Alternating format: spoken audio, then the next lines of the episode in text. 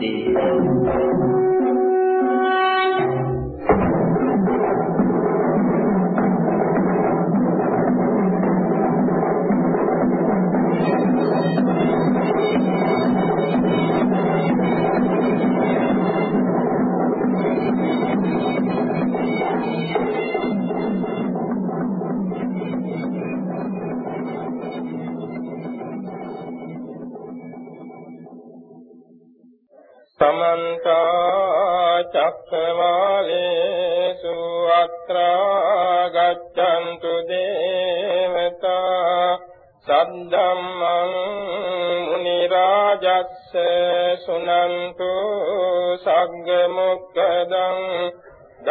ධම්මස්සවන කාලෝ අයං බදන්තා ධම්මස්සවන කාලෝ අයං බදන්තා ධම්මස්සවන කාලෝ අයං බදන්තා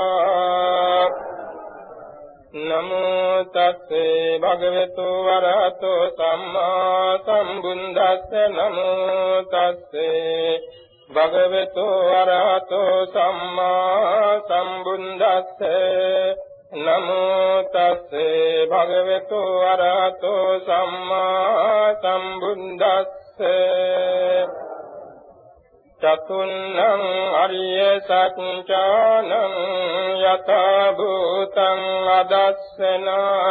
සංසිතං දීඝ මන්දානං කාසුතාස්වේව ජාතිසු තානි තානි දිත්තානි භවනෙත්ති සමුහතා උච්චින්නම් මූලං දුක්ඛන්ත නත්ති දානි පුනබ්බවෝති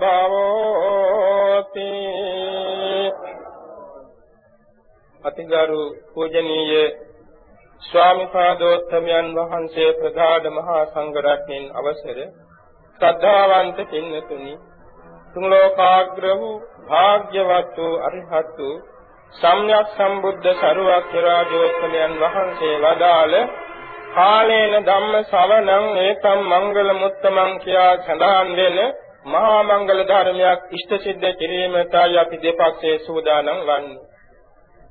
සතියක් පුරාම බෝධි පූජා ධර්ම දේශනා ආදී ප්‍රතිපත්ති පින්කම් රසක් සිද්ධ කරගෙන එන්නේ අපවත් වේවදාල පූජ්‍ය කෝට්ටේ ශ්‍රී දේවානන්ද ස්වාමීන් වහන්සේගේ වර්ෂ පහක් කිරීම නිමිත්තෙන් කරන ප්‍රාප්තදානමය පින්කමේ උදෙසයි. එනිසා අපේ සමන්ත චක්කවාලේසු කියා දෙවියන්ට ආරාධනා කළාසේම පූජ්‍ය කෝට්ටේ ශ්‍රී දේවානන්ද ස්වාමීන් වහන්සේද මේ ධර්ම දේශනාවට සවන් දෙත්වා කියා ආරාධනා කරමි. මාත්‍රුකා කළ ගාථා දෙක දීඝනිකායේ මහා වග්ගයේ මහා පරිනිර්වාණ සූත්‍රයේ කයක් ගාථා දෙකක්. ධර්ම දේශනාවේ ධර්ම ශ්‍රවණයේ ආනිසංස කතනේ සඳහා වෙලාවක් මම ගන්නෙ නෑ. කාලයේ කුට්ටිය ඇති බැවින් මේ මාතෘකා කළ දේශනෙහි සාරවත් කොටස ඉදිරිපත් කරන්ට බලාපොරොත්තු වෙනවා. දීර්ඝ කාලයක් ධර්ම ශ්‍රවණය කරමින් කලපුරුදු වූ බණ පිරිසක් බැවින් මේ මොහොතේදී භාවනාවකට සමාධියකට ධානයකට සමාපත්තියකට යෙදුනාසේම මේ ධර්මයට සමන් දෙක්වා කියා අපි ආරාධනා කරන අතර මේ ජනිතව නානිසංස ධර්ම බලයෙන් අප දෙපක්ෂයටම ධාන සමාධි සමාපatti අභිඥා විපස්සනා මාර්ගඵල පිළිවෙලින් සතෝ කතෝ බෝධියෙන් ගාම්භීර චතුරාර්ය සත්‍ය අවබෝධයෙන් සිද්ධ වෙන සාන්ත අමාමහ නිවන් සෝ පිණිස වේවා කියා ප්‍රාර්ථනා පිහිටුවා ගන්න. චතුන්නම් අරිය සත්‍යානං යථා භූතං අදස්සනා සතරක්කෝ ආර්ය සත්‍ය ධර්මයන් තත්වාකාරයෙන් නොදැකීම හේතුවෙන් සංසිතං දීගමද්දානං තාසු තාස්වේව ජාතිසු. ප්‍රමාණාතික්‍රාන්ත දීර්ඝ සංසාරයේ ඒ ඒ જાතීන්හි උත්පත්ති මරණ වශයෙන් අවිද්දෙමි. අවිද්දෙමි.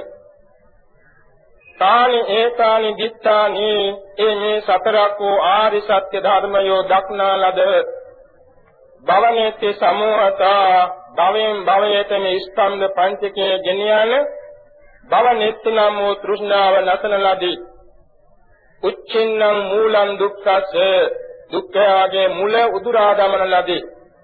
නත්තිදානි පුනබ්භවෝ නින්මත්තේ පුනර්භවයක් නැත්තේ කියන එකයි ගාථා දෙකේ කෙටිතේරු.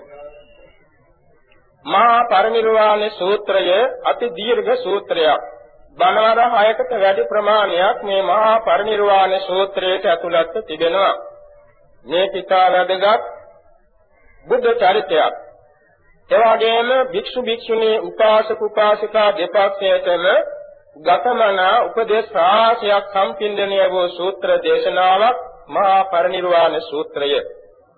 විශේෂයෙන්ම ගුණානුස්මරණ පින්කමක් බැවින් මේ මහා පරිනිර්වාණ සූත්‍රයේ දහම් කරුණු බිඳක් ඉදිරිපත් කිරීම කාලෝචිත වෙනවා කියලා මා විශ්වාස කරනවා.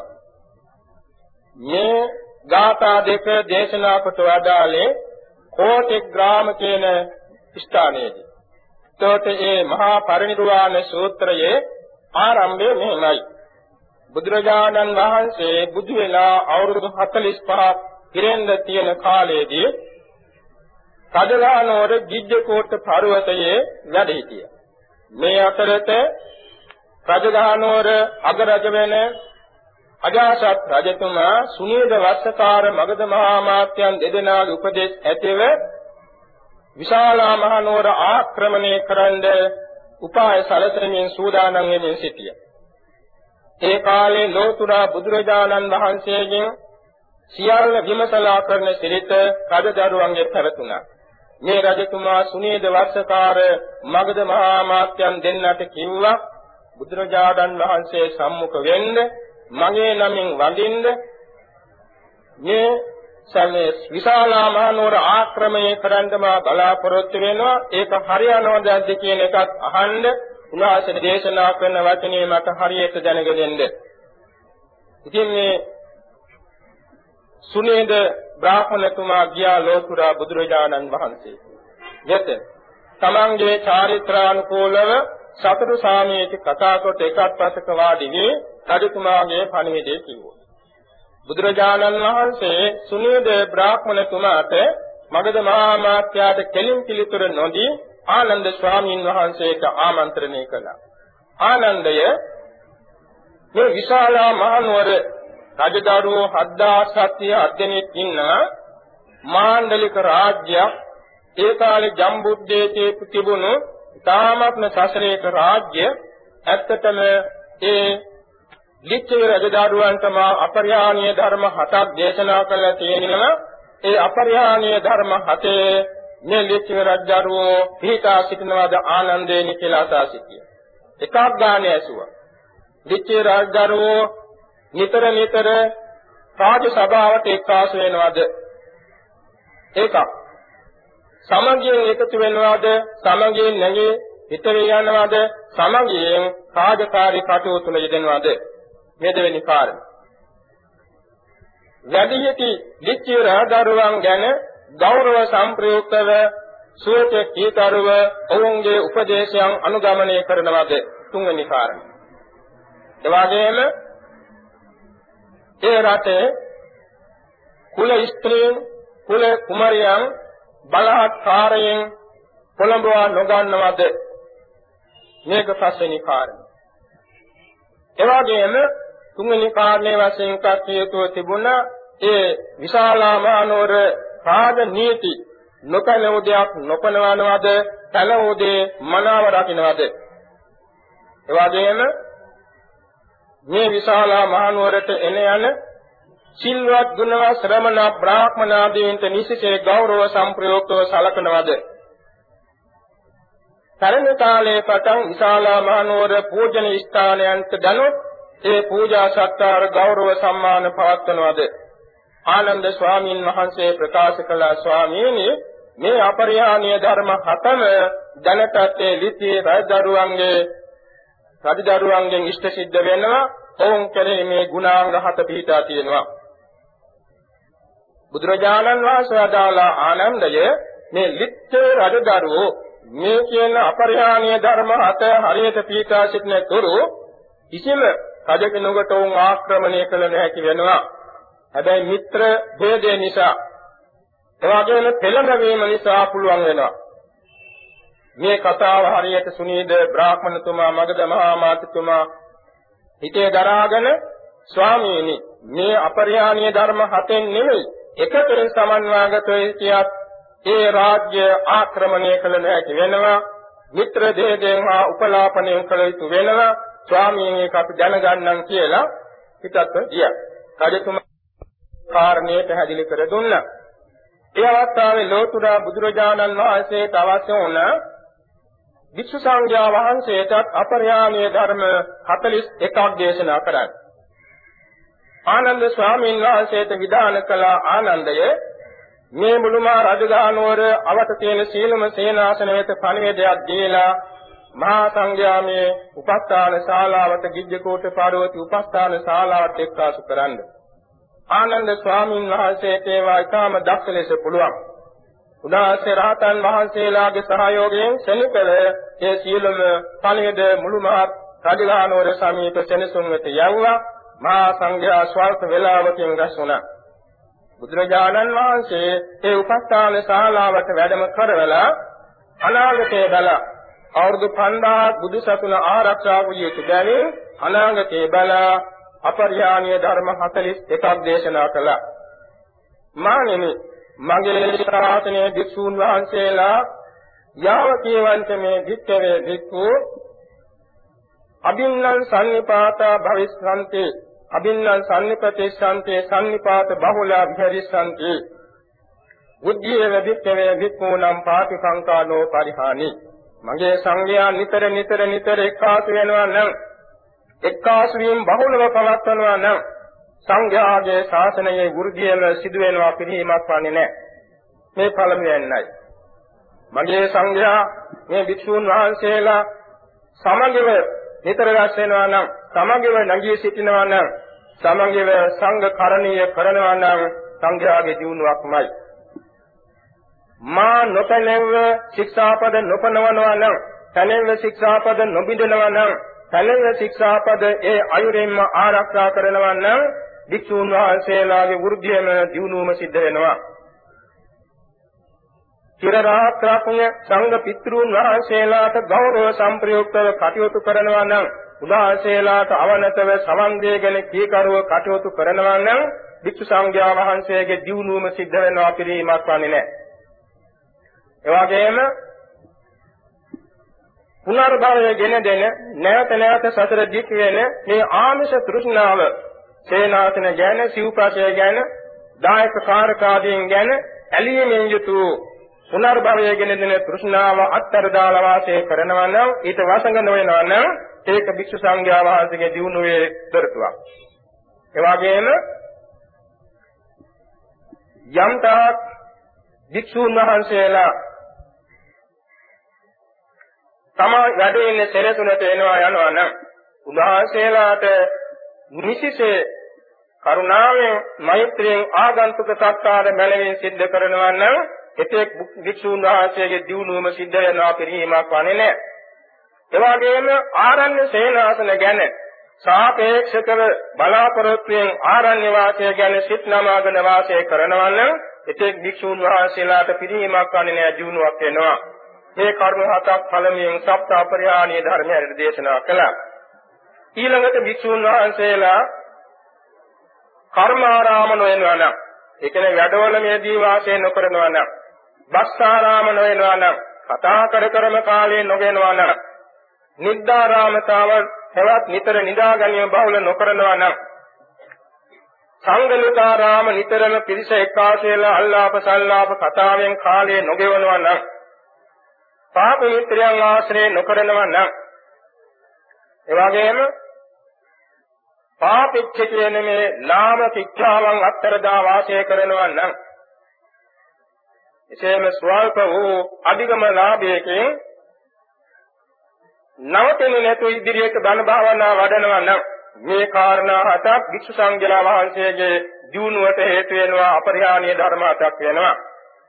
ඒ වගේම තවත් කරුණු හතක් වික්ෂුන් වහන්සේලා යම්තාක් ශ්‍රද්ධා සම්පන්නව තුනුරුවන් අදාමියෙන් වාසය කරනවා නම් පාපේට ලැජ්ජාවෙන් කිරිගුලේ පුරුදු කරනවා නම් පාපේට භයෙන් පොත්තාපේ පුරුදු කරනවා නම් එවාගෙම බහුශ්‍රත භාවයේ පුරුදු කරනවා නම් ආරබ්ධ වීරිය කියන උතුම් වීරිය වැඩි දියුණු කර ගන්නවා නම් උපත්ිත සතිතාව කියන සිහිය දියුණු කරනවා නම් ප්‍රඥාව කියන විදර්ශනා ඥාන වඩනවා නම් මේ කාරණා හත වැඩිමිනොත් වික්ෂු සංඝයා වහන්සේගේ අභිවෘද්ධිය සිද්ධ වෙනවා පිළිහිමක් වන්නේ නැහැ.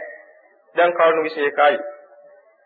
එවාගෙම යන්තා භික්ෂුන් වහන්සේලා සති සම්බොජ්ජංගේ වඩනවා නම් ධම්මයේ විරිය තීති පස්සද්ධි සමාධි උපේක්ඛා කියන මේ බොජ්ජංග හත වඩනවා නම් එතෙක් විසු සංඝයා වහන්සේගේ දියුණුවම සිද්ධ වෙනවා පිරිහීමක් වන්නේ නැහැ කියලා පරිහානි ධර්ම හතක් එතනවා දාලා ඒ වගේම වික්ෂුන් වහන්සේලා යම්තා අනිත්‍ය සංඥා වඩනවා නම් අනත්ත් සංඥා වඩනවා නම් අසුභ සංඥා වඩනවා නම් ආදීනව සංඥාවක් වඩනවා නම් ප්‍රාණ සංඥාව හා විරාග සංඥා නිරෝධ සංඥා කියන මේ භාවනා කමඨාන් හත වඩනවා නම් ඒක භික්ෂූන් වහන්සේගේ දියුණුවක් වෙනවා පිළිීමක් වන්නේ නැහැ.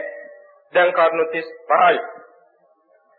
ඒ වගේම යම්තා භික්ෂූන් වහන්සේලා එලිපිටත් ඇතිතනක් නැතිතනක් සබ්‍රාහ්මචාරීන් වෙත මෛත්‍රී කාය කර්මයෙන් උවටන් වෙනව කරනවා නම් මෛත්‍රී වඩනවා නම් ඇතිතනක් නැතිතනක් මෛත්‍රී වචනයෙන් උපකාර වෙනවා නම් ඇතිතනක් නැතිතනක් මෛත්‍රී සිතින් භාවනා මෛත්‍රී වඩනවා නම් සමාත් ලැබෙන යටත් පිරිසෙන් පාත්‍ර පරියාපන්න දෙයින් හරි සබ්‍රාහ්මචාරීන් වහන්සේලාට බෙදා හදා වළඳනවා නම් අකණ්ඩ අච්චෙද්‍ර අසබල අකල්මාස බුද්ධිස්ස විඤ්ඤුක්ත සත් අපරාමත්ත සමාධි සංවත්තනක තියෙන මේ විදිහේ උතුම් සීලයෙන් සමානව වාසය කරනවා නම් එවාගෙම උද්‍යව්‍ය ඥානය හේවත් සම්මා දිට්ඨියෙන් සමානව වාසය කරනවා නම් මේ කාරණා හය නිසාද වික්ෂු සංඝයා වහන්සේගේ දියුණුව සිද්ධ වෙනවා පිළිහිමක් වන්නේ නැහැ කියලා අපරිහානීය ධර්ම හයක් එතන දේශනා කළා සියල්ල 41යි.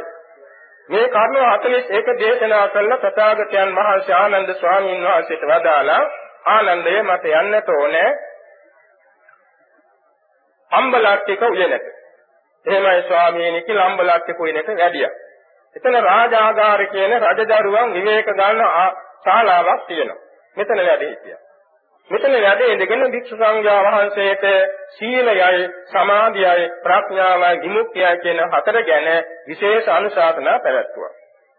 ඉන් අනතුරුව දේශනා කළ ආනන්දය මට වඳින්නට ඕනේ නාලන්දාවට. මේ වඩින ගමන් මඟ.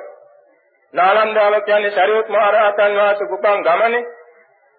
නාලන්දාවට වැඩම කරවලා එහි බුදුරජාණන් වහන්සේ විවේකයේ වැඩි ඉන්න අවස්ථාවක සරියුත් මහ රහතන් වහන්සේ සමීපයට පැමිණ ගෞරව සම්ප්‍රයුක්ත වැඳලා කිව්වා. ස්වාමීනි අතීතෙත් අනාගතෙත් වර්තමානෙත් භාග්‍යතුන් වහන්සේට සමාන ප්‍රඥාවෙන් උතුම් කෙනෙක් ශ්‍රමණක් බ්‍රාහ්මනාදීන් අතර කවදාකවත්ම නැහැ ස්වාමීනි. ඒ ගැන මා අතිශයින්ම මගේ ප්‍රසාදය පළ කරනවා කිව්වා. අසවදාලා සාරිපුත්‍රය මේක සිංහනාදයක් නේ. මේ සිංහනාදයේ පැවැත්වේ කවර අරමුණක් නිසාද? ස්වාමීනි යම් කිසි නගරයක ප්‍රාකාරයක් තියෙනවා. මේ ප්‍රාකාරයේ බලලකටවත් ඇතුල් වෙන්න බැරි තරම් නැක තරම් සුරක්ෂිතව තියෙනවා. ඉතින් මේ දක්ෂ නැනවත් දොරටු පාලයේ කල්පනා කරනවා මේ නගරයට මේ දොරටුවෙන් අර කිසිම තැනකින් සතුට ඇතුල් වෙන්න පුළුවන් කමක් නැහැ. යන්නේ නම් මේ දොරටුවෙන්ම යා යුතු වෙනවා කියලා නගරයේ සුරක්ෂිතභාවයේ අනුව එතුමා හිතනවා මේ දොරටුවෙන් තමයි සියල්ලෝම ඇතුල් වෙන්නේ පිට වෙන්නේ. ඒ වගේ ස්වාමීනි මම තේරුම් ගත්තා අපේ ලෝතුරා බුදුරජාණන් වහන්සේ පංච නීවරණ යටපත් කොට සතර සතිපට්ඨාන වඩා සත්බොද්ධංග වඩා ලෝතුරා සම්මා සම්බුදු වුණා අතීතයේ වැඩිහිටිය සීල සත්ව සරුවක්යන් වහන්සේලා චේතසෝ උපක්‍රේෂ නම් වූ පංච නීවරණ යටපත් කොට සතර සතිපට්ඨානයන් මනාව දිනු කොට සත්‍ය බොද්ධංග ධර්මයන් වඩා ලෝතුරා බුදුබාටපත් වුණා. අනාගතයේ මේ විදියයි එනිසා ස්වාමීනි ඒ අතීතානාගත ලෝතුරා බුදුවරයන් වහන්සේලාගේ සිත චේතෝ පරිඥාණයෙන් මම දැකලා නෙමෙයි මෙන්න මේ අන්වය අනුව මම තේරුම් ගත්තා. අපේ ලෝතුරා බුදුරජාණන් වහන්සේ තරම් ප්‍රඥාවෙන් අග්‍ර වූ ශාස්ත්‍රු වරේ මේ ලෝකේ කොතනකවත් නැහැ කියන එක මා හදපත්ෙන් පිළිගත්තා කියන එක පහදා දුන්නා. බුදුරජාණන් වහන්සේ එතෙන්දීද මහා සංඝ රත්නයේට සීල සමාධි ප්‍රඥා ගුණ සම්බන්ධවම විශේෂ ධර්ම දේශනා පවත්වලා ආනන්ද ස්වාමීන් වහන්සේට වදාලා ආනන්දය මට යාගන්නට ඕනේ පාටලී ග්‍රාමයේ. පාටලී ග්‍රාමයට යන්නට ඕනේ. ඉතින් ආනන්ද ස්වාමීන් වහන්සේත් මහා සංඝයාත් පිටත් පාටලී ග්‍රාමයට වැඩි. ඒ පාටලී ග්‍රාමයේදී බුදුරජාණන් වහන්සේට පාටලී ග්‍රාම වාසී බෞද්ධයෝ නැවතුම් පොලක් හැටියට සලසා දුන්නේ සංකාගාර ශාලා. ඒ වෙනකොට මේ සුනීද වස්සකාර මගධ මහා මාත්‍යයන් දෙන්න මේ පැලලොක් නුවර නිර්මාණය කරන කාලයේ පළමුවෙන්ම නගර ශාලාව නිමාවට පමුණවා තිබුණා. ඉතින් විශාල සෙනගක් එක්කාසු වුණා රාත්‍රී ධර්ම ශ්‍රවණයට ඒ දවසේදී ඒ විශාල ගිහි පිරිසට දුස්සීල භාවයේ සහ සීලවන්ත භාවයේ ආදීනව ආනිසංස දේශනා කළා. ගෘහපතිවරුනි සීලයක් නැති පුද්ගලයාට ආදීනව පහක් ලැබෙනවා. එකක් තමයි අස්පන අපිට ධනෙ පිරිහෙනවා. දෙවැන්න තමයි අප කීර්තිය වැඩෙනවා. තුන්වැන්න තමයි යම් කිසි පිරිසකට යාමේද විසරදව යාකෙන යා නැති වෙනවා මංකු භූතව මූල අකුලවාගෙන දුර්මුඛව යා යුතු වෙනවා පිරිස් මැදට යනකොට එවැගේම සීලයක් නැති පුද්ගලයා මරණාසන්න මොහොතේදී සිය මුලාවටපත් වෙනවා මරණින් මතු අපාගාමී වෙනවා. ගෘහපතිවරුනි සීලයක් නොරකින්නේ කොට මේ ආදීනව පහක් ලැබෙනවා. එවැගේම සීල සම්පන්නයාට ආනිසංස පහක් ලැබෙනවා. පළමුවෙන්න සීල සම්පන්නයා අප්‍රමාදව තමන්ගේ දිනචර්යාවේ කටයුතු කරන බැවින් ධනයෙන් දාන්‍යයෙන් යස ඓශ්වර්යයෙන් වැඩෙනවා. ඒ පළමුවෙනි ආනිසංස සීලවන්තයාට යහපත් කල්යාණ කීර්ති භාවය මුළු ලෝකෙට ඇතිරෙනවා දෙව්ලෝ බඹලෝ දක්වා පවා සීලවන්තයාගේ සීල් ගුණය ගැන ගුණ වර්ණා පැතිරෙනවා සීලවන්තයා කවර හෝ පිරිසකට රජ පිරිසකට බ්‍රාහ්මණ පිරිසකට ශ්‍රමණ පිරිසකට කොතැනට ගියත් විසරදව නිර්භයව ඉරුජුව සිට සහභාගී වෙනවා සීලවන්තයා මරණාසන්න මොහොතේදී මනා සිහිනුවණින් යුක්ත වෙනවා. සීලවන්තයා මරණින් මත්තේ නිදාපිටදයක් මේ සුගති ලෝකයේ උත්පත්ති ලැබනවා. මේ දෙයට සීලයේ ආනිසංස පාදේශනා කළා. ඉතින් රාත්‍රී බොහෝ වෙලාවක් මේ සීලය පිළිබඳව දේශනා කළ තථාගතයන් වහන්සේ පිරිස පිටත් කළාට පස්සේ තමන් වහන්සේට නියමිත කාමරයට වැඩම කොට සමාපත්තියට සමවැදුණා. සමාපත්තියෙන් නැගී සිටි වෙලාවේ දිවසට පෙනී ගියා මේ පාටලී පුත්‍ර නගරයේ වස්තු පරිග්‍රහණය කරන දෙවියන්. ඒ කියන්නේ දිවසට පෙනී ගියා තෞතිසාවෙති දෙවි දේවතාවෝ මේ පාටලී පුත්‍ර නගරයේ ආසය භූමියෙන් කරගන්නවා. මහේසාක්‍ය මහේසාක්‍ය දෙවියන් වස්තු පරිග්‍රහණය කරන තැන මහේසාක්‍ය මහේසාක්‍ය රජමැති ඇමති ආදීන්ට හිත් නැවෙනවා ගොඩනැගිලි ගොඩනගා ගන්න. ආ මධ්‍යම මධ්‍යම දෙවියන් වස්තු පරිග්‍රහණය කරන කෙලින් මධ්‍යම රජමැති ඇමති ආදීන්ට නියස් මවාකන්ට නියස් ගොඩනගා ගන්න හිත නැමෙනවා. ඕමත ඕමත නැත්නම් අල්පේතාච්ච දෙවියන් වස්තු පරිග්‍රහණය කරන ඉද්දෙන් මේ වගේම තුන්වෙනි පන්තියේ මිනිසයන්ට නියස් ගොඩනගා ගන්න හිත පහළ වෙනවා. ඉතින් පසුදා උදේ පාන්දර ආනන්ද ස්වාමීන් වහන්සේට වදාළ ආනන්දය මම ඊයේ රාත්‍රියේ දිවසින් දැක්කා මේ පාටලී පුත්‍ර නගරයේ අහසේ ඉඩම් වෙන් කර ගන්නවා දෙවි දේවතාවෝ. ඊයර විස්තරය සියල්ල පහදා දුන්නා. ඉතින් පසුදා උදේ පාන්දරම සුනීද වස්සකාර මගධ මහා මාත්‍යයන් දෙන්නේ ඇවිත් දානෙට ආරාධනා කළා. ඉතින් බුද්ධ ප්‍රමුඛ මහා සංඝ රත්නයේත ඒ දෙදෙනා ඉතා ගෞරවයෙන් දාන වස්තු පරිත්‍යාගය කළා රජතුමා වෙනුවෙන්. දන් වළඳන අවසානයේදී ගාථා තුනකින් ධර්ම දේශනාවක් අදාළා. යස්මින් පදේශේ කප්පේතේ වාසම් පණ්ඩිත ජාතිකෝ සීලවන්තෙත් භෝජත්වා සංයතේ බ්‍රහ්මචාරයෝ යම් ප්‍රදේශයක ඥානවත් මිනිසෙක් වාසය කරනවා නම් එහිදී සිල්වත් සසුන් බඹසර ඇතරින උතුමන්ට දානයක් දෙනවා නම් යාතත් දේවතාසුන් තාසං දක්ඛින මාදිතේ තාපෝජිතා පූජයන්තේ මානිතා මානයන්තේ නම් එහි අධිග්‍රහිත දෙවියන්ගේ පින් පැමිණවීමෙන් ඒ දෙවියන්ගේ කරුණාව, මෛත්‍රිය, දයාව, අනුකම්පාව ලැබෙනවා. තතෝනං අනුකම්පන්ති මාතා පුත්තං ඕරසං දේවතානුකම්පිතෝ බෝසෝ සදා භද්‍රානි පස්සති.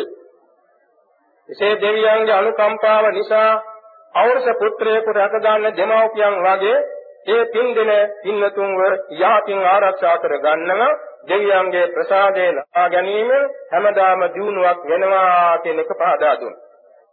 ඒ වගේම දඹදිව බුද්ධ ශාසනයේ තියෙන තුරු අගනුවරවන්ගෙත් මේ පාඨමේ පුත්‍ර නගරයයි කියන එක පහදා දුන්නා. යන්දාසක මිත්‍ර ભેදේ නිසා මේ නගරය අහිමි වෙන්න පුළුවන් එකෙක්ම මුළුමහා ජම්බුද්දීපයේ වලිපතේ කියන වෙළඳ මධ්‍යස්ථානයක් හැටියට නැත්නම් අගනුවර හැටියට මේ පාඨේ පුත්‍ර නගරය පවතිනවා කියලා දේශනා කළා.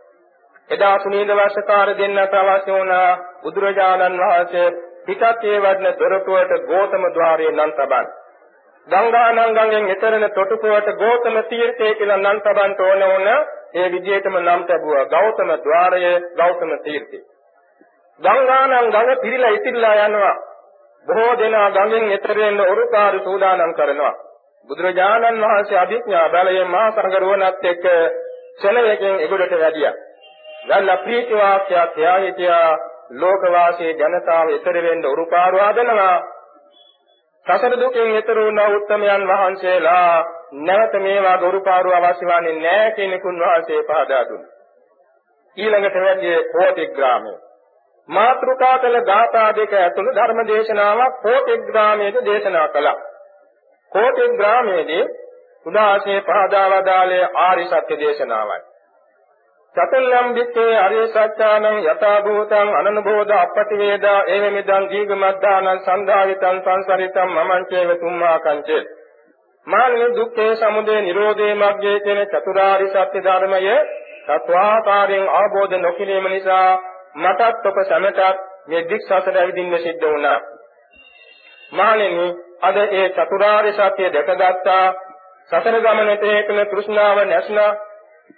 නැවත පුනර්භවයක් නොවනසේ සාන්ත නිර්වාණය ආબોධ වුණා කියන කුණවාසේ ඒ දේශනෙන් පහදා වදාළා. ඉංගලතරු ආනන්ද ස්වාමීන් වහන්සේ අමතා වදාළ ආනන්දය මට අද වඩින්නට ඕනේ විශාලා මහනුවර. විශාලා මහනුවරට වඩිනවා කියලා වැඩි. මේ වඩින ගමනේදී අම්බපාලි වනයේට වැඩියා. ඒ කාලේ අම්බපාලි වනය විවේකකාමී උතුමන්ද සුදුසුසේ විවේකස්ථානයක් ලොකු අඹවණයක්. ඉතින් මේ අම්බපාලි වනයේ වැඩ ඉඳගෙන වික්ෂු සංඝයා වහන්සේට ඉතා විසුතුරු ධර්ම දේශනාවක් හොඳ යානාවලින් ඇවිල්ලා බුදුරජාණන් වහන්සේට වැඳලා බණ ටිකක් අහලා පසු දින දානෙට ආරාධනා කළා භාග්‍යතුන් වහන්සේගේ ඉවසා වදාළ. එතුම මේ වැඳ නමස්කාර කොට පිටත් වුණාට පස්සේ ලිච්ඡවි රජදරුවා ආවා. මේ රජ දරුවන් එනකොට බුදුරජාණන් වහන්සේ සංඝයාට නියම කළා මහණෙනි. කෞතුකාවේත දෙවියන් නොදක්කන මෙන්න මේ ලිච්ඡේ රජ දරුවන් වෙත බලන්නයි. නිල් පාට කහ පාට සුදු පාට රතු පාට ශරීර වර්ණ එවාගේම ඇඳුම් පැළඳුම් වර්ණ යාන වාහන වර්ණ වලින් දෙව පිරිසක් වාගේ එනවා යානාවල. මේ අතර අම්බපාලි මුණ ගැහිලා අම්බපාලි කිව්වා ආරි පුත්‍රයනි මම අද ලෝතුරා බුදුරජාණන් වහන්සේ දානට ආරාධනා කළා මම ජයගත්තා. දෙතේ රාදරුව පුදුම වුණා. ඒ පිරිසක් ගිහින් බුදුරජාණන් වහන්සේගෙන් බණ අහලා පසුදින දානට ආරාධනා කළා. භාග්‍යතුන් වහන්සේ වදාලා දාන ආරාධනයක් බාරගෙන අවසానයි. අසුරතලක් ගාලා කිව්වා අපේ අම්බපාලයට පෙරදුනා නේද කියලා. ඉතින් පසුදින උදෑසන අම්බපාලයේ ඊටාම ගෞරව සම්ප්‍රයුක්තව ප්‍රණීත දාන වස්තුයෙන් බුද්ධ ප්‍රමුඛ මහා සංඝ රත්නයේ දන් දීලා ඒ අම්බපාලයේ අම්බවණේම පිටින්ම බුද්ධ ප්‍රමුඛ මහා සංඝ රත්නයේ සංඝ සතු කොට පූජා කළා. බුදුරජාණන් වහන්සේ තෙන්දී සීල සමාධි ප්‍රඥා විමුක්ති ගැන වැඩිපුර ධර්ම දේශනා කරත්වා. ඊළඟට ආනන්ද ස්වාමීන් වහන්සේට වදාළ ආනන්දය අපි යන්නට ඕනේ නාදිකාවට. නාදිකාවට වඩින්නට ඕනේ. ඉතින් නාදිකාවට වැඩියා. ජීවිකාවසත කියන්නේ ගඩලින් කළ ආවාසයක් තියෙනවා මෙතන තමයි නැවතුම් පොළ.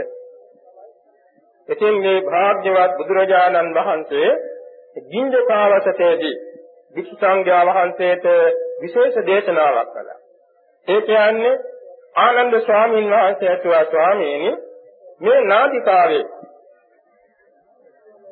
උපසාල්ල කියන ස්වාමීන් වහන්සේ නමක් අපවත් වුණා. උන්වහන්සේගේ පුනර්භවය කුමක්ද? නන්දා කියන භික්ෂුණීන් වහන්සේ නමක් අපවත් වුණා.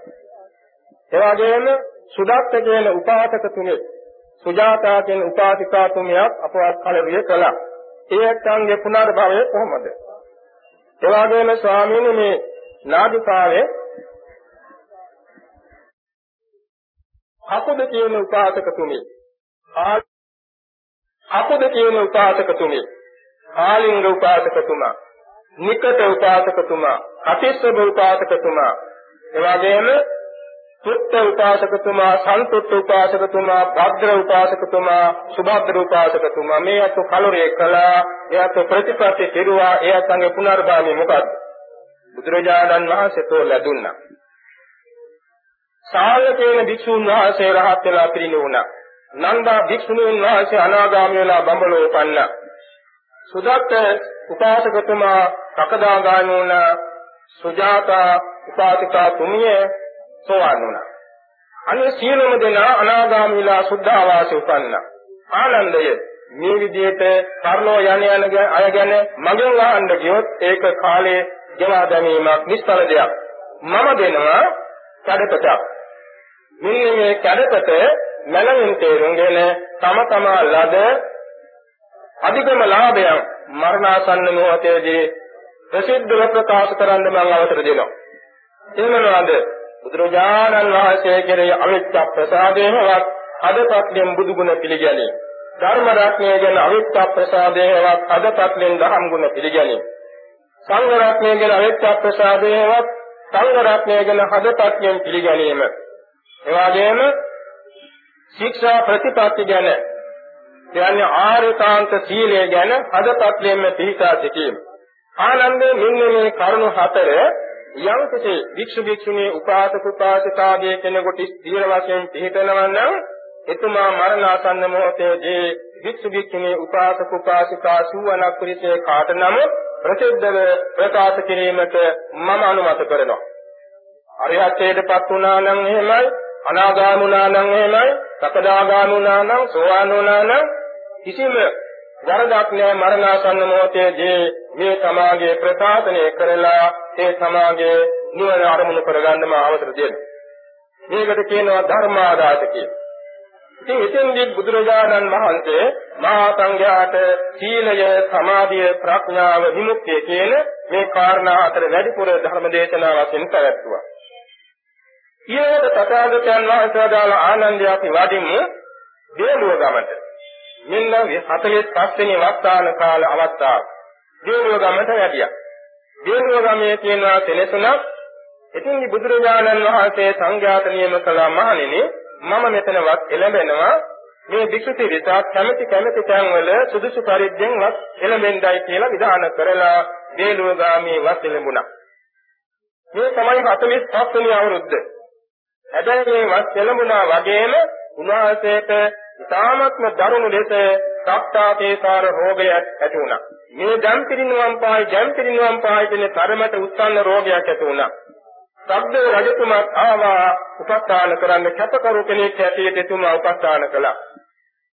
ආනන්ද ස්වාමීන් වහන්සේට මානසික වශයෙන් විශාල වේදනාවක් ඇති වුණා අනේ ලෝතුරා බුදුරජාණන් වහන්සේ පිරිනවම් පාවිදෝ කියලා.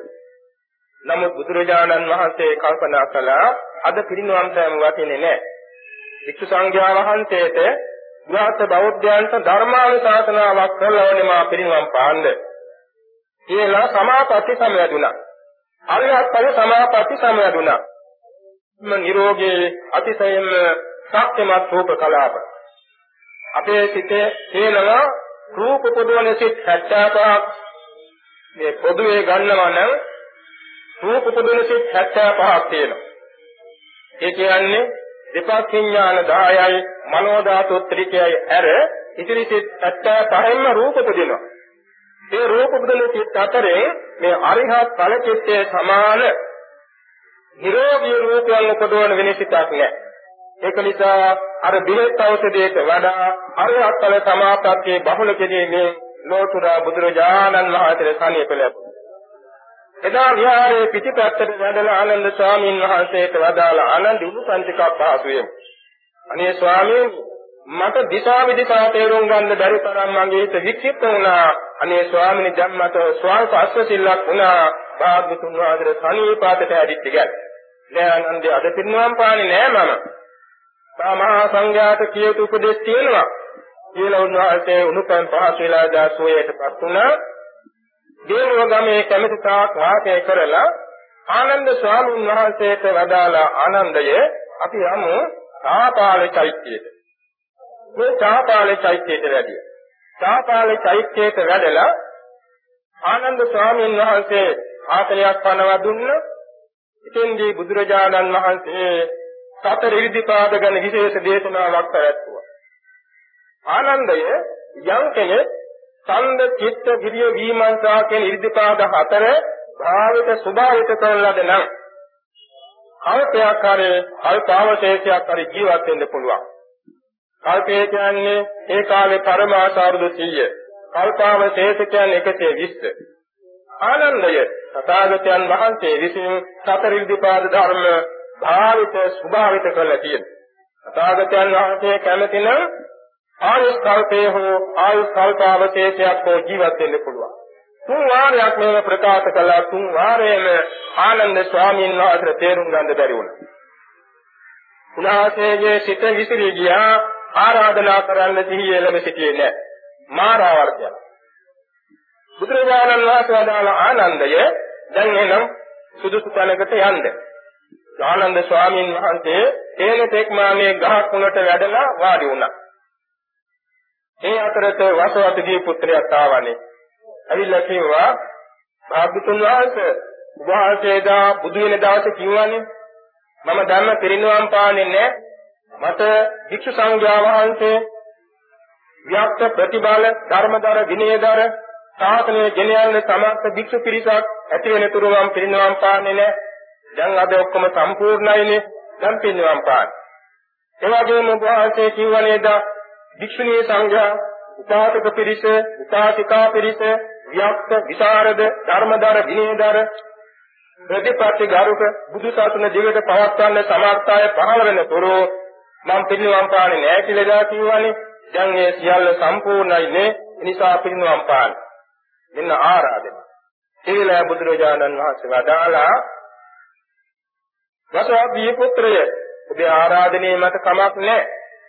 මම දැන් නුඹ දාතකම් පිළිවෙනවා. තව තුන් මාසයක් තථාගතයන් වහන්සේ වැඩෙන්නේ දින 90යි. ඔබ අල්පෝත්සවයෙන්ද කියලා මාර්යා පිටත් කෙරුවා. මේ අවස්ථාවේදී ලෝතුරා බුදුරජාණන් වහන්සේ සතෝ සම්පජානකාරීව ආය සංස්කාරාත්තරය මොනවාද ආය සංස්කාරාත්තරය කියන්නේ අද පටන් ඉදිරි කාලයේදී අරිහත්ඵල සමාපත්තියේ සමාදින්නේ නැත කියන අදිෂ්ඨානය. යම් මේකින් අරිහත්ඵල සමාපත්තියේ සමාදි සමාදී කියන තව අවුරුදු 120ක් ජීවත් වෙන්න තිබුණා. පරමාස අවුරුදු 120ක් ජීවත් වෙන්න තිබුණා. අරිහත්ඵල සමාපත්තිය අත්තරේම නිසායේ දවස් 90කට ජීවිත කාල සීමාව සීමිත වුණේ. අවසාස්ථාන සීමිත වුණේ අරිහත්ඵල සමාපත්තියේ සමාදින්නේ නැහැ කියන මේ අදිෂ්ඨානෙ නිසායි. ඒ වෙලාවේ මහා පොළොව කම්පා වුණා. දසදහසක් සක්වලම කම්පා වුණා. දිවිතුණු අකුණු පිපුරුණා. ඉතාමත්ම දිවිතුණු දේවල් සිද්ධ වුණා. ආනන්ද ස්වාමීන් වහන්සේ තැටිගත්තා. වාමාව බුදුරජාණන් වහන්සේ ළඟට ඇවිල්ලා ගඳලා කිව්වා අනේ ස්වාමීනි මා බියකරු භූමි කම්පාවක් එවාගේ මා බියකරු ගෝතනිය ගෝතාවක් ඇති වුණා මොකද ස්වාමීනි මේ පොළොව කම්පා වුනේ ආනන්දය පොළොව කම්පා වෙන කරුණු අටක් තියෙනවානේ මේ මහ පොළොව රැඳී තියෙන්නේ ජලයේ උඩ ජලයේ රැඳී තියෙන්නේ වාතයේ උඩ. ඒ වාතයේ කලඹීමෙන් ජලයක් ජලයේ කලඹීමෙන් පොළොවක් හිතෙනවා. නැත්නම් කම්පණය වෙනවා. මේක කාරණා.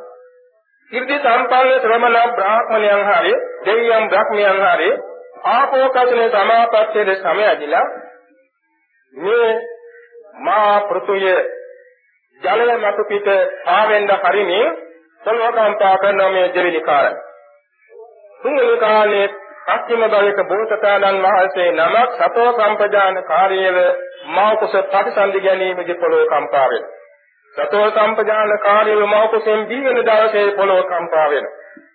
ලෝතර බුදු වෙන දවසේ මහා පොළොව කම්පා වෙනවා. ධම්සක් දේශන දවසේ මහා පොළොව කම්පා වෙනවා. ආයසාස්කාර අත්තරින දවසේ මහා පොළොව කම්පා වෙනවා. පිරිනිවන් පාවදාන දවසේ මහා පොළොව කම්පා වෙනවා. ආනන්දය මෙන්න මේ කාරණා අටයි පෘථිවි කම්පනයේ සඳහා සිද්ධ වෙන්නේ හේතු අට. ආනන්දය මේ ලෝක ධාතුවේ තියෙනවා අභිදායතන කියලා කරුණු අටක්. අභිදායතන මේවා විස්තර කරන්න කාලේ මදි වෙන්න පුළුවන් ලාංඡනීය වශයෙන් අපි මතක තබා ගන්න ඕනේ. ඒ කියන්නේ ඥානෝත්තරික යෝගාවචරය නුවණින් වැඩි යෝගාවචරය තමන්ගේ ශරීරයේ හේතා ලෝමා ආදී කොට්ටාකයක් කතන භාවනා වශයෙන් හරවනවා. කතන භාවනා වශයෙන් අරවලා බාහිර අරමුණකින් ප්‍රතිභාග නිමිත්ත උපදවාගෙන උදා වෝදාරමුණේදී ධ්‍යාන ලබනවා. ඒකට කියනවා අජ්ජත්තං රූපසඤ්ඤේ තේකෝ බහිද්ධා රූපානි පස්සති පරිත්තානි සවන්න දුබ්බන්නානි. මෙන්න පළවෙනි අභිභායතෙන්. ඒ කියන්නේ තමාගේ ශරීරයේ කතන භාවනාවක් කළා. බාහිර අරමුණකින් ප්‍රතිභාග නිමිත්ත ලැබුවා. ඒක ඊටාම කුඩා. ඊටාම කුඩා කලානන්දේ තරම් කුඩා ප්‍රතිභාග නිමිත්තේ නම ඥාන ලැබනවා. එවැගේම සමාගයේ ශරීරයේ භාවනා පටන්ගෙන බාහිර අරමුණකේ ප්‍රතිභාග නිමිත්ත ලබා ගන්නවා විශාල අරමුණක්. විශාල අරමුණකින් විශාල ප්‍රතිභාග නිමිත්තකින් ඥාන ලැබෙනවා මේක දෙවන්නයි. තව කෙනෙක් බාහිර අරමුණකම කසින භාවනා වදලා බාහිර කසින නිමිත්තකින් ඥාන උපදවා ගන්නවා කුඩාම කුඩා අරමුණකින්. අතරවැන්න බාහිර අරමුණකින් ඥාන මේ ප්‍රතිභාග නිමිත්ත උපදවාගෙන මාත් අරමුණක් නිමිති කරගෙන ඥාන උපදවා ගන්නවා. මෙතන හතරයි. එවාගෙම නිල් පාට අතිශයින්ම නිල් පාට අරමුණේදී නිල් කතිනිය වඩා ධ්‍යාන ලබනවා. මේක පහ. කාම කහ පාට දිවිතුන කහ පාට අරමුණේ ධ්‍යාන ලබනවා එක හය වෙන්නේ. එවාගෙම රතුම රතු පාට අතිශයින් දිලිසෙන රතු පාට ආරමුණේ ධ්‍යාන උපදවනවා මේක අත්වෙන්නයි. එවැගේම සුදුම සුදු පාට දිලිසෙන සුදු පාටක් නිමිති කරගෙන ධ්‍යාන උපදවනවා මේක අටවෙන්නයි. මේ වාට කියන අභිභායතනාට ආනන්දේ සතාගතයන් වහන්සේ මේවා සුභාවිත සුභාවිත කරලා තියෙනවා. ඒ වගේ ආනන්දේ විමෝක්ෂ අටක ලෝක තියෙනවා. මොනවද මේ විමෝක්ෂ කියලා කියන්නේ? විමෝක්ෂ කියලා කියන්නේ අර වගේම ධ්‍යාන ලබන ක්‍රමයක්. තමාගේම ශරීරයේ කසින වදලා ධ්‍යාන උපදවන. බාහිර අරමුණේ කසින වදලා ධ්‍යාන උපදවන. සුද පරම අරමුණේ ධ්‍යාන උපදවනවා. ආකාසානංචයතනේ විඥානංචයතනේ ආකින්චඤ්ඤාතනේ නේය සංඥා නා සංඥාතනේ කියන සමාපත්තිය හතරක් උපදවනවා. සංඥා වේදේත නිරෝධේ කියන නිරෝධ සමාපත්තිය සමාදිනවා. මේ අතට කියනවා විමෝක්ෂාට මේවා තථාගතයන් වහන්සේ පුරුදු කළ තියෙන. ඒ වගේම ආනන්දය තථාගතයන් වහන්සේ මේ ඉරිදිකා ධර්මයන් මනමින් භාවිත ස්වභාවිත කළ තියෙන බැවින් හැමතිනම් තථාගතයන් වහන්සේ කල්පයක් හෝ කල්පාවශේෂයක් ජීවත් වෙනවා. නමුත් අද තථාගතයන් වහන්සේ පින්වන් තෑමට ආසාස්කාරත් හරියා කියන එක ප්‍රකාශ කළා. ගෝතම නිග්‍රෝධයේදී එවාගෙම සීතවනේදී, තපෝදාරාමේදී, ඉසිගල ඉසිගිලි පාර්ශවයේදී, එවැගේම සප්පසන්දික සබ්බාරයේදී තවත් මේ වාගේ අදිලානුවර තියෙන විශාල ප්‍රසිද්ධ විහාරස්ථානෝදී මා මේ බව ප්‍රකාශ කළා කියලා. මේ වගේම මේ විශාලා මහනුවර උදේනී චෛත්‍ය, චාපාල චෛත්‍ය, උදේනී චෛත්‍ය, ගෝතමක චෛත්‍ය, සත්තම්බ චෛත්‍ය, බහුපුත්‍රක චෛත්‍ය, සාරන්දක චෛත්‍ය මේ කියන සාපාලේ චෛත්‍ය මේවා ස්ථානවලදී මම මේ ප්‍රකාශ කරලා තියෙනවා. නමුත් ඔබට එදා තේරුම් ගන්න බැරි වුණා. දැන් ඉතින් මා වමාරපු දෙයක් නැවත ගණන්ගන්නේ නැති නිසා මේ ආරාධනය මත පිළිගත නොහැකිනවා කියන එක පාදා දුන්නකොට උන්වහන්සේ අඩන්න ගත්තා. භාග්‍යතුන් වහන්සේ වදාලා ආනන්දය හේතුන් අටගා සීල සංකත ධර්මයන් අනිත්‍යයි සංකත පටිච්ච සමුප්පන්නයි කාය ධර්මයි වාය ධර්මයි විරාග ධර්මයි නිරෝධ ධර්මයි නේද? කල්ලාතෝ කිව්වා නේද? සබ්බේ මේ පියේහි මනාපේ නානා භාවෝ විනා භාවෝ කියලා. දැන් අඳන් දෙපා. ඔබ යන්දාසක යන්දාසක භාවනා පටන් ගන්න ඔබට එකම ආසනයේදී හරියත්තේ සාක්ෂාත් වෙනවා කියලා හිත තැනසුවා. භාග්‍යතුන් වහන්සේ ඒ අවස්ථාවේදී මහා වන කූටාගාර ශාලාවට වැඩම කරවලා මහා සංඝ රත්නයේ විසිතුරු ධර්ම දේශනාවක් වදාළා. මේ විසිතුරු ධර්ම දේශනාවේ අගතත් උන්වහන්සේ අනුශාසනාවක් කළා. පරිපක්ඛෝ වයෝමයං පරිස්සම්මම ජීවිතං පහයවෝ ගමිස්සාමි කතම් මේ සරණමත්තුනු මගේ ආයුෂ දැන් මුහු කරවා ගින් කියනවා මට දැන් පිරිනුවන් පෑමට කාලයේ සම්මිතයේ තේනවා මගේ පිහිටම අදාගත්තා. අප්පමත්තා සතේමන්තෝ සුසීලා හෝත භික්ඛවෝ සුසමාහිත සංකප්පා ප්‍රතිත්ත මනුරක්කත. මන්න අප්‍රමාද වේ. සීල සම්පන්න වේ. සමාධි භාවනා වඩව. ප්‍රඥා වඩව. තමන්ගේ සිත ආරක්ෂා කරගනිව්. යෝයිමස්මින් ධම්ම විනයේ අප්‍රමත්තෝ විහෙසතේ මහාජාති සංසාරං දුක්ඛසංතං කරිස්සති යම් කෙනෙක් මේ බුදු සසුනේ මනා සිහිනුවණින් වීරිය වඩනවා නම් දුක් කෙලවර කිරීමෙන් ලැබෙන අමාම නිවන සාක්ෂාත් වෙනවා. මේ මුන්වාස අනුශාසනා කරලා එදත් පාදා වදාලා ඛණ්ඩදාන වික්කවේ ආමන්ත්‍යාම හෝ වදම්මා සංඛාර අප්‍රමාදේන සම්පාදේත. මානින්දන් අන්තිමවරත් ඔබ අමතනේ. සංස්කාර නැතන වැරසෙන සුළුයි.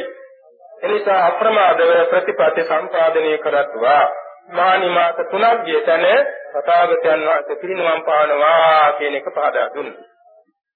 නැවත තථාගතයන් වහන්සේ මේ මහා වන කූටාගාර ශාලාවෙන් පිටත් වෙලා තමන් වහන්සේ පාවානෝර බලා පිටත් වෙන්න සූදානම් වුණා. මේ යන ගමනේදී භාග්‍යවත් බුදුරජාණන් වහන්සේ වික්ෂු සංඝයා වහන්සේට ඒ ඒතන සීල සමාධි ප්‍රඥා ගැනම විසිතුරු ධර්ම දේශනා පැවැත්වුවා. ඒ වගේම සතර සතිපට්ඨාන ගැන විශේෂ දේශනා පැවැත්වුවා. සතෝ සම්පජාන කියන පද දෙක ගැන විශේෂ දේශනා පැවැත්වුවා. ඒ වගේ බුදු සසුනේ චිරස්ථිතයේ පැමිණීම සඳහාම මේ සත්‍ය බෝධිපාක්ෂික ධර්ම වැඩි යුතුය කියලා විශේෂ දේශනා පැවැත්වුවා. මේ පවත්තමින් පාවා නුවර චුල්ල කම්මාර පුත්‍ර තුමාගේ අඹ විලස වැඩි. එතුමා කාරණා කියලා පසුදින දානෙට ආරාධනා කළා. බුදුරජාණන් වහන්සේ අන්තිම දාණය දෙන්න කල්ප ලක්ෂයක් මෙතුමා පෙරම් පුරාගනාව කෙනෙක් සුජාතා සුදු දේවිය වගේ. මෙතුමා සෝවාන් මාර්ගඵල ආදී කෙනෙක්. පසුදින ආනන්ද ස්වාමීන් වහන්සේගෙන් ඇසුවා ස්වාමීනි භාග්‍යතුන් වහන්සේට කොයි කොයි විදිහේ ඖෂධීය දානයක් මම සම්පාදනය කළ යුතුද? ආනන්ද ස්වාමීන් වහන්සේ ආයුර්වේද ගැන හොඳට දන්නවා. උන්වහන්සේ ආයුර්වේද වෛද්‍ය විද්‍යාවේ හඳුන්වන ඖෂධීය ආහාරයක් සම්පාදනය කරන්න උපදෙස් දුන්නා. ඒකට කියන්නේ සූකර මද්දවය. සමහර කියනවා ලපටි ඌරන්ගේ මසක් කියලා. ඒ විදිහේ දෙයක් නෙවෙයි. මෙය ආයුර්වේද වෛද්‍ය විද්‍යාවේ හඳුන්වන සත්තාපේසාර රෝගීන්ට සත්‍රාය වෙන ඖෂධීය ආහාර විශේෂයක්. ඉතින් කුංග කරවාර පුත්‍රයා මේ වෙනුවෙන් පෙරම් පුරාගෙන ආව කෙනෙක් එතුමා මේක බොහොම ගෞරවයෙන් පිළිගෙන සූකර මද්දමේ සහ සුදාන වස්තු සම්පාදනය කළා. පසුදින දානක වැඩම කළ තථාගතයන් වහන්සේ කුංග කර්මාර පුත්‍රතුමාට පහදා දුන්න සූකර මැද්දේ මත පමණක් පිළිගන්වන්ට ඉතුරු තිබුණොත් ඒවා කිසි කෙනෙකුට නොදේ පොළවේ වලදා. වෙන කෙනෙකුට ඒක දිරවා ගන්න බෑ මොකද අර බුදු වෙන දවසේදී මෙන්න දසදහසක් වල දිව්‍ය ලෝකවල දෙවි දේවතාවෝ දිව්‍ය අමෘතය මේ දානෙට එක්කාසු කරලා තියෙනවා. කාටවත් දිරවන්න බෑ ලෝතුරා බුදුරජාණන් වහන්සේට හැර. සසු දාන වස්තුවේ සසු භික්ෂුන් වහන්සේලාට දන් දුන්නා. තුන් දානානුමෝදනා දේශනා කරලා එතනින් පිටත් වුණා ආනන්දය අපේ වඩිමු කුසිනාරා නුවරට. මේ කුසිනාරා නුවරට වඩන ගමනේදී අදෝදනක් තරම් කැටි දුරක් ප්‍රමාණය 25 තැනක තරම් නවතින්න සිද්ධ වෙන මොකද බුදුරජාණන් වහන්සේට රෝගේ උත්සන්න වුණා. ඇත්තට සමහර කෙනෙක් කියන සූකර මද්දමේ ගත්ත නිසා රෝගේ උත්සන්න උනේ කියලා. ඒක නෙමේ සත්‍යතාවය. ඒක අනිවාර්යයෙන් සිදුවෙන රෝග සමුත්ථානයක්. දාසේ දා රෝගාතුර වෙනවමයි. දාසේගේ අන්තිම රෝගයයි. ඒ සූකර මද්දමේ නිසා වේදනාව තරහාගත ඇති වුණ ඖෂධීය ආහාරයක් නිසායි.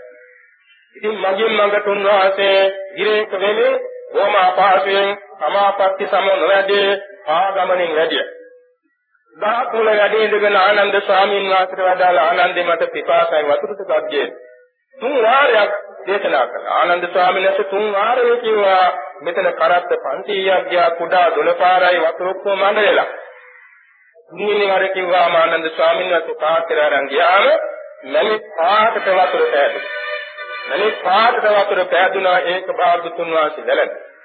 එතෙන්දීම ආවා පුක්කුස කියන්නේ මේ මල්ල කාර්ය පුත්‍රේ. එතුමා බොහොම විශාල ධනවත් කෙනෙක් පාවානුවර වාසී. මෙතුමා බුදුරජාණන් වහන්සේ දැකලා ඇවිල්ලා වැන්න. කියා හිටියා ස්වාමීනි මං ආලාර කාලාම තුමාගේ ශ්‍රාවකේ දායකයෙක්. එතුමා දවසක් පාරයිනේ සමාපත්තියෙන් හිටියා. කරත් පන්තියක් ළඟින් ගියා. පස්සෙන්ම ගියේ මම ගන්ධලාස්වා ස්වාමීනි මෙතනින් කරත්ත පන්තියක් ගියා දැක්කද නෑ දැක්කේ නෑ. සද්දය වුණාද නෑ. විනාඩනේ තියද නෑ හොඳ අවදීන් හිටියේ. ඒකට ඒ සාන්ත සමාපත්තිය ගැන අහන එතුමා පැහැදුනා. බුදුරජාණන් වහන්සේ අදාලා කුක්කුසය මම කියන්නේ ඊට වඩා ගැඹුරු සාන්ත සමාපත්තිය. තථාගතයන් වහන්සේ දවසක් ආත්මාවේ මේ පිටුරු ගේක වැඩ ඉන්න වෙලාවේ බුසාගාර කියන කුටියේ වැඩ ඉන්න වෙලාවේ උනාසේ නිරෝධයට සමවැදී හිටියා. විශාල වර්ෂාවක් ධාරානිපාත වැහිලා අකුණු පුපුරලා සහෝදර ගොවියෝ දෙන්නෙක් නැති වුණා. ගවයන් හතර දෙනෙක් මරුණා. කාල ජනතාවක් එක්කාස වෙලා ඉන්නකොට උන්වහන්සේ සමාප්තියෙන් නැගිට්ටා කෙනෙක් ඇවිල්ලා ඒවා තථාගතයන් වහන්සේ වාස දන්නේද මේ සිද්ධිය? නෑ මම දන්නේ නෑ. උභාසයට ඇහුනේ නැද්ද? නෑ ඇහුනේ නෑ. උභාසයේ නිදාගෙන හිටියද නෑ. අපොයි පුදුම නේද මෙච්චර පුදුම දෙයක්. අකුණු පුපුරමින් හරි වැයලා මිනිසුන් මැරිලා සාරකොම් මැරිලා මෙච්චර ජනතාවක් සල්ලිපාත වෙලා ගෝදාව උභාසයට ඇහුනේ නෑ. මේ කාලවල කුක්කුස මල්ල රාජපුත්‍රයා කිව්වා ස්වාමීනි එදා ආලාර කාලාමතුමාගේ කෙරෙලටි මගේ ශ්‍රද්ධාවාද කුලගේ පාසල් අරිනවා මට ඊට වඩා ලොකු ප්‍රසාදයක් අද ඇති වුණා කියලා තාම දිලිසෙන සංවම් පාතින් දිලිසෙන වස්ත්‍ර යුග්මයක් තථාගතයන් වහන්සේට පිළිගැයි. ආගතුන් වහන්සේ එකක් බාරගත්තා එකක් ආනන්ද ස්වාමීන් වහන්සේට බාර ගන්න කිව්වා. මේක ආනන්ද ස්වාමීන් වහන්සේ එතුමා වැඳලා ගියාට පස්සේ බුදුරජාණන් වහන්සේටම පෙරෙව්වා. බුදුරජාණන් වහන්සේගේ ශ්‍රී දේහය ඉබේම දිලිසෙන්න දඟලෙන්න ගත්තා. ඊයා කපුටා නන්දියේදී තථාගතයන් වහන්සේ සම්පාස වුණා. සම්පාස වෙලා නැවතත් අර තාමත්ම ප්‍රභාසර වූ සීවර යුග්මේ දරාගෙන වාසේ උපවත්තන සාල වනෝද්‍යානයට වැඩි. යමක ශාලාභ්‍යන්තරයේ ආසනයක් පනවන්න නියම කළ බුදුරජාණන් වහන්සේ. ඉතින් දුන්වහන්සේ දකුණැලේ සතුපුණා උත්තර ශීර්ෂකව උතුරු දිශාවට හිත දාලා බටේරට මුහුණ දාලා දකුණට සිරිපතෝ දාලා සිහියෙන් උන්වහන්සේ සතුපුණා. මේ කළ ආනන්දයේ මේ මුළුමහත් නගර වාසීන් රජදරුවන් කියන්නේ අද අලුයම් කාලේ තථාගතයන් වහන්සේ පිරිනැමෙන බව. ඒ විදිහටම දැනුම් දුන්නාම සියලුම දෙනා හඬාගෙන වැළපි වැළපි පෙරලි පෙරලි ආවතතාවයන් වාසිත වන්දි. රාත්‍රියේ පූර්ව යාමේ ජීවනතුරු ඒ රටවාසී ජනතාවලව වැන්දේ. ඊළඟට ආස පුරා දෙවි දේවතාවෝ පරසතු මදාරාමා දිව්‍ය සුගන්ධ දිව්‍ය සුණු විසිරුව. ධනක් පමණ ගෙලවටක් තරම් මල් ගොඩවල් ගොඩ වුණා. වාස වදාලා මෙතකින් තථාගතයන් වහන්සේට සත්කාර කළා වෙන්නේ නැහැ. සත්කාර කළා වෙන්නේ නම් ප්‍රතිපත්ති පූජාවෙන් පූජා කිරීමෙන් කියලා විශේෂ දේශනාවක් වදාළා. ඉතින් රාත්‍රී කාලයේ අප්‍රමාණ දෙවි දේවතාවෝ බ්‍රහ්මයෝ දසදහසක් වලින් වඳින්න පුදන්. උපවාන ස්වාමීන් වහන්සේටත් එතනින් ඉවත් වෙන්න සිද්ධ වුණේ බුදුරජාණන් වහන්සේ පිටායි. ඒ අතරත සුභද්‍ර කියන පරිත්‍රාජක තුනේ බුදුරජාණන් වහන්සේගෙන් යමක් දැනගන්නා. ආනන්ද ස්වාමීන් වහන්සේ පාපියද්දී තථාගතයන් වහන්සේ අවසර දුන්න එන්නේ කියන්නේ. එතුමාට ආර්ය අෂ්ටාංග මාර්ගය කියන්නේ විචිතුරු ධර්ම දේශනාවක් අදාලා ඒ මොහොතේම පරිදුණා ඒ මොහොතේම ගහකුලට වෙලා සව් කෙලෙත් නැසා මහා රහත් භාවිතපත් වුණා. මේ තමයි පස්චිම අන්තිම රහතන් වහන්සේ. ඉතින් අල්ලංගනතර භික්ෂු සංඝයා වහන්සේ අමතලා උන්වහන්සේ විසිතුරු දේශනාවන් පැවැත්තුවා. දේවාතනී ආනන්ද ස්වාමීන් වහන්සේ හඬා වැළපුණ තථාගතයන් වහන්සේ පිරුණා නුනාම මා කාගෙන්ද භාවනා කමතාන් ගත්. භාගතුන් වහන්සේ කැඳවලා උපදෙස් දුන්න ආනන්දේ ශෝක වෙන්න වැඩක් නැහැ. ඔබ අවංකවම අදවතින් තථාගතයන් වහන්සේට මෙතෙක් කල නිත්‍ය උපස්ථායක දුරේ දැරුවා. ඔබ යම් දාසක භාවනාවට යෙදෙන්න එදාම වහාම අරිහත්ත්වයට සාක්ෂාත් කරගන්න.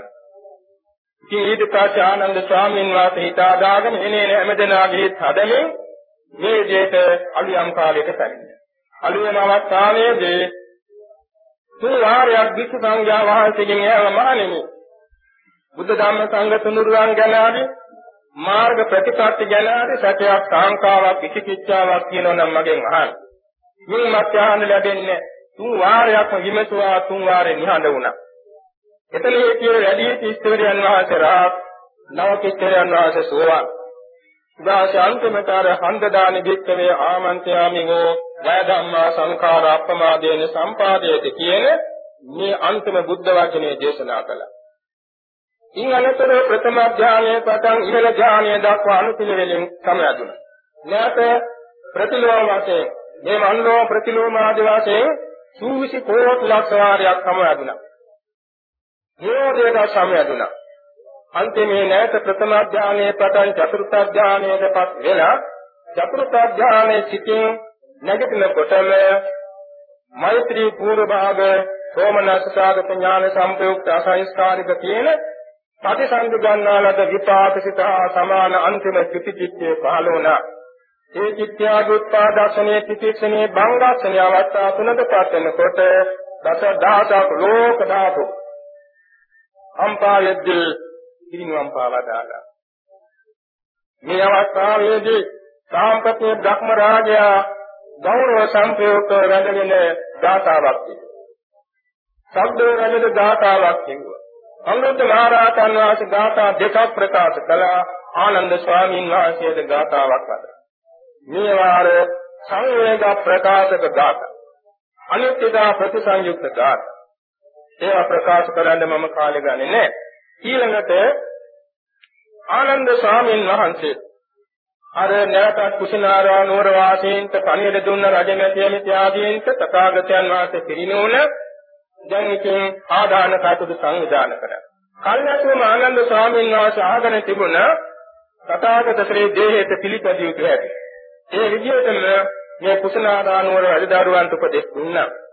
අන්තිමේ දවස් හතක් ගියා තථාගතයන් වහන්සේගේ ශ්‍රී දේහයට පූජෝපහාර පවත්වන්න.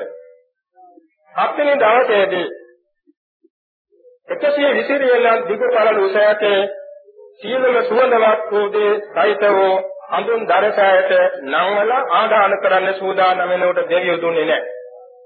සියලු විතර අහලා මහා කාශ්‍යප මහ රහතන් වහන්සේ එනතුරු බලා සිටියා. මහා කාශ්‍යප මහ රහතන් වහන්සේ පාවානුවර සිට 500ක් සංඝ පිරිස සමග වැඩියා. තුන් වාරයක් චිතකේ වටේ දොහොත් නගාගෙන ප්‍රදක්ෂිනා කළ පිරිවරක් මේ පැත්තේ ශ්‍රී පතුල තියෙන්නේ කියලා ගාථා තුනක් කියලා වඳිනකොටම මේ පාදය මේ දරසායම් පිටට වැඩි. මේ පාදයේ දොහොතින් අල්ලාගෙන නලල කියලා ගන්න. සීලම දෙසු පිළිස යන්දා මිනිස්යෝද සීල දෙනා වඳිනකොන් එසේ අල්ලාගෙන. උදාහරණේ ශ්‍රී පාදයේ අත්තරින එල මකර බලක් ගිනි ගත්තා වගේ ඉඳගෙන මේ දරසාය කෙලෙස් දැල්ලුවා. සිතකින් සීලයක පිහිටා ධර්ම ශ්‍රවණය කිරීමෙන් අත්පත් කරගත් මේ කුසල සම්භාර ධර්මය අපට බුදු පසේ බුදු මහරහතන් වහන්සේලාට මෙන් දාන පාරමිතා, සීල පාරමිතා, දස පාරමිතාවන්ගෙන් අගතන්පත් වෙමින් මෙලවායු වර්ණ සප බල ප්‍රඥා විනිමින් දෙලව ජයගෙන කෙලවර බුදු පසේ බුදු මහරහතුන් වහන්සේ ආબોධ කුතු අදාළේ අජරාමර ශාන්ත ලෝකෝත්තර අමාමහ නිවන් සුව සාක්ෂාත් කර ගැනීම පිණිස හේතු වාසනා වේවා කියලා මෛත්‍රියෙන් මා ප්‍රාර්ථනා කරනවා.